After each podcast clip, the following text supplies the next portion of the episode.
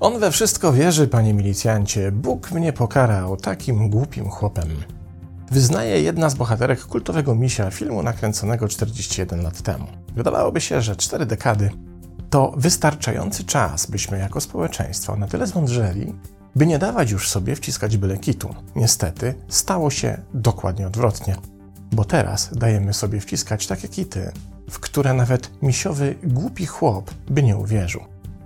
Pora powiedzieć to głośno, o czym badacze przebąkują już od jakiegoś czasu. Mamy oto do czynienia z drugą, niezwykle groźną i prawdopodobnie wiele potężniejszą pandemią od tej podstawowej. To wielka i przelewająca się przez cały świat pandemia bzdur.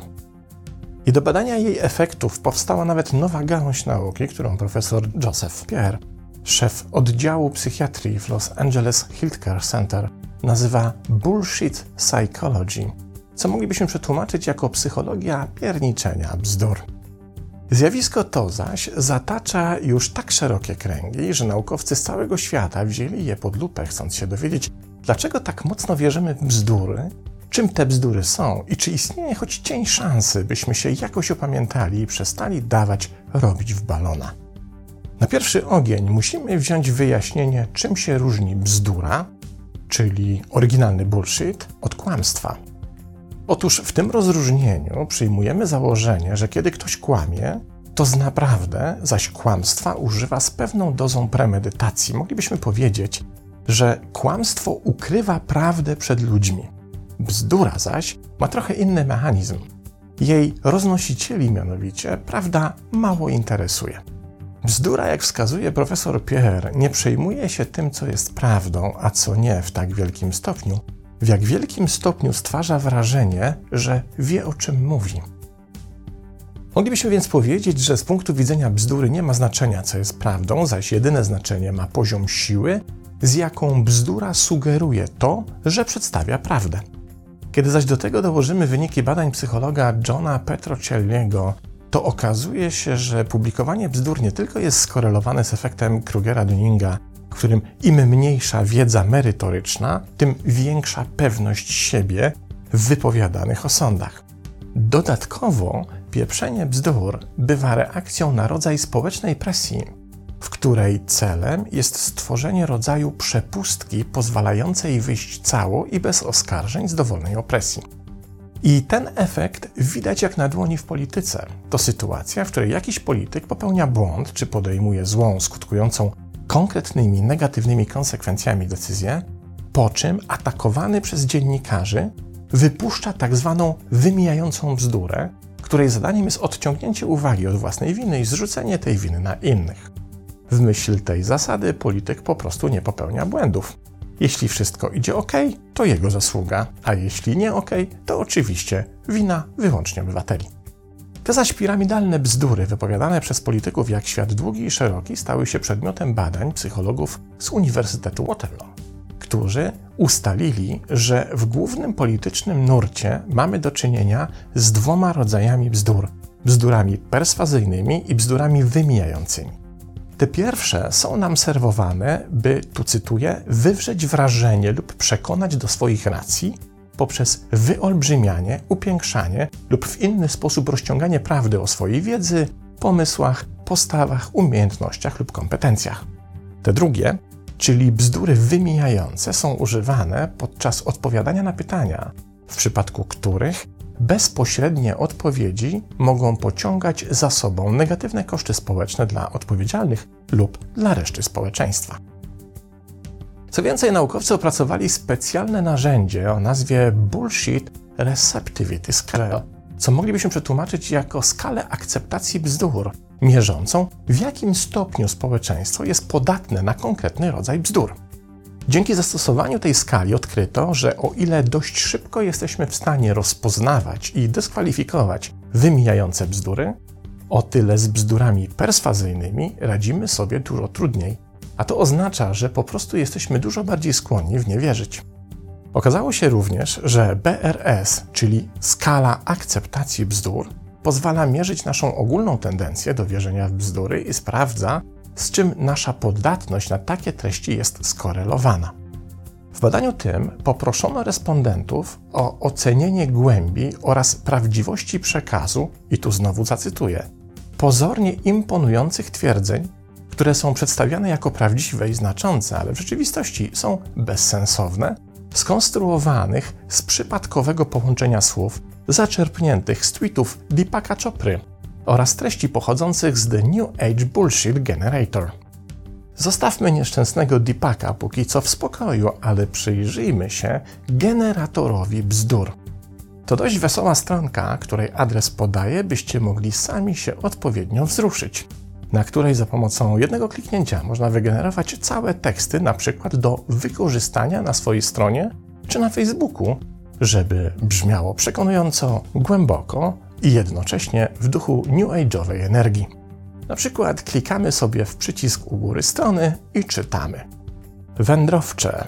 Zostałeś wezwany przez jonizację atomową i chociaż nie zdajesz sobie z tego sprawy, poszerzasz świadomość. Tylko dziecko cyklu kwantowego może wywołać zmianę paradygmatu energii. Fajne, nie? Nie wiem jak wy, ale ja tak mogę się bawić do wieczora. W każdym razie skala BRS ujawniła, że nasza podatność na bzdury jest ściśle skorelowana z kilkoma czynnikami. Po pierwsze, im bardziej podzielamy wiarę w kwestie pseudonaukowe i paranormalne, tym większą będziemy wykazywali podatność na wiarę bzdury. Po drugie, taka wzmacniająca korelacja dotyczy również tendencji do dostrzegania powiązań pomiędzy rzeczami niepowiązanymi. A mówiąc wprost, im większą tendencję wykazujemy do wiary w spiskową teorię dziejów, tym łatwiej łykamy czytane bzdety. Po trzecie, niestety w im mniejszym stopniu dysponujemy umiejętnościami kognitywnymi oraz analitycznymi, w tym większym stopniu będziemy podatni na bzdury. Czwarte, okazuje się, że istnieje ścisła zależność pomiędzy łatwością łykania bzdur a naszymi poglądami politycznymi. Im bardziej skrajne poglądy prezentujemy, tym łatwiej nam wcisnąć kit i dotyczy to zarówno poglądów skrajnie konserwatywnych, jak i skrajnie lewicowych. Bo to nie rodzaj poglądów stoi za łatwością, z jaką bzdury zaczynają determinować system, ale ich skrajność. Jednak skala BRS wskazała jeszcze jedną piramidalnie ważną cechę, a mianowicie im bardziej spełniamy trzy powyższe warunki, tym większą będziemy wykazywać tendencję do tego, by zasłyszane bzdury rozpowszechniać dalej. Bo problem polega na tym, że ludzie, którzy dają się omotać bzdurą, szczególnie jeśli są to bzdury perswazyjne, zaczynają je traktować w kategoriach przekonującej retoryki, dzięki czemu sami zaczynają ich używać w wyrażaniu własnych poglądów i opinii. Stają się w ten sposób nieświadomymi redystrybutorami bzdur, święcie przekonanymi co do ich prawdziwości i trafności.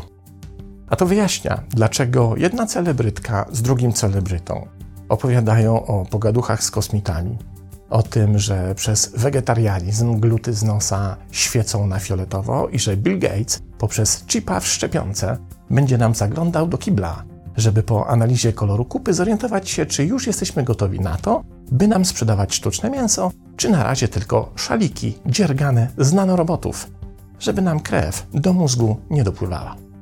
I co najgorsze, oni nie tylko to mówią, oni w to jeszcze wierzą. Celowo użyłem ekstremalnych przykładów, na które nawet by nie wpadli goście od wspomnianego wyżej generatora. Ale przecież nasza pandemia bzdur przenosi również całą masę informacji, które wyglądają zupełnie niewinnie i które przez to są przyjmowane przez wielu ludzi nie odczuwających potrzeby ich najmniejszej weryfikacji. O ile jednak potrafimy rozpoznać bzdurny bełkot, to już z bardziej wiarygodnie brzmiącymi bzdurami mamy kłopot. Naukowcy to zjawisko nazywają bullshit blind spot i określają nim właśnie takie sytuacje, w których zupełnie nieumyślnie i nieświadomie rozpowszechniamy małe bzdury, a to, że są małe, wcale nie zmienia faktu, że są nieprawdziwe. I działa tu oczywiście efekt skali. Kiedy jesteśmy otoczeni odpowiednio dużą ilością małych bzdur, działa to na nas nie mniej groźnie niż w przypadku zaledwie kilku dużych. bo duża ilość małych bzdur umieszcza nas w matriksie przekonań, w którym rozróżnienie, co jest prawdą, a co nie, staje się wyjątkowo trudne. Do tego działa tu jeszcze jedno zjawisko nazywane zasadą asymetrii bzdur, zgodnie z którą ilość energii potrzebnej do obalenia bzdury jest o rząd wielkości większa niż energia, która posłużyła do jej wyprodukowania. Czy istnieje jakieś wyjście z tej patowej i niestety wciąż nasilającej się sytuacji? Niestety chyba nie, bo z jednej strony powinniśmy być otwarci na nieoficjalne informacje i sceptyczni wobec oficjalnych, a z drugiej strony paradoksalnie nasza otwartość może również osłabiać naszą umiejętność filtracji tego, co prawdziwe, od tego, co przekłamane. W drugą stronę też to działa. Jeśli jesteśmy z natury sceptyczni i zamknięci na wszelkie nowe informacje, to nasze zamknięcie może paradoksalnie być również przyczyną niedostrzegania tego, jak jest naprawdę. Zatem nie ma tu niestety jednej złotej rady, jak sobie z pandemią bzdur radzić we własnym życiu, i naukowcy w tym miejscu również bezradnie rozkładają ręce. Profesor Pierre mówi, że póki co jedynym sposobem jest wykształcenie w sobie odpowiedniej wrażliwości na bzdury, którą to umiejętność nazywa on zdolnością widzenia czerwonej flagi. Jedni zaś z nas będą w stanie wyczuć czerwoną flagę nawet w najmniejszej bzdurze z odległości przysłowiowego kilometra. Inni niestety nie zauważą jej nawet wówczas, kiedy będzie zamaszyście łomotała tuż nad ich głową. I właściwie nie wiadomo, kto ma lepiej, jak to gorzej. Czy ten, który odkrywa, jak wiele bzdur usiłuje mu się wcisnąć i jak czujny musi być na każdym kroku, by się tej manipulacji nie poddać? Czy też ten, co łyka dowolną bzdurę jak pelikan i na swój sposób ma to wszystko w głowie poukładane? Co z tego, że to nieprawda, skoro klocki do siebie tak pięknie pasują? Pozdrawiam.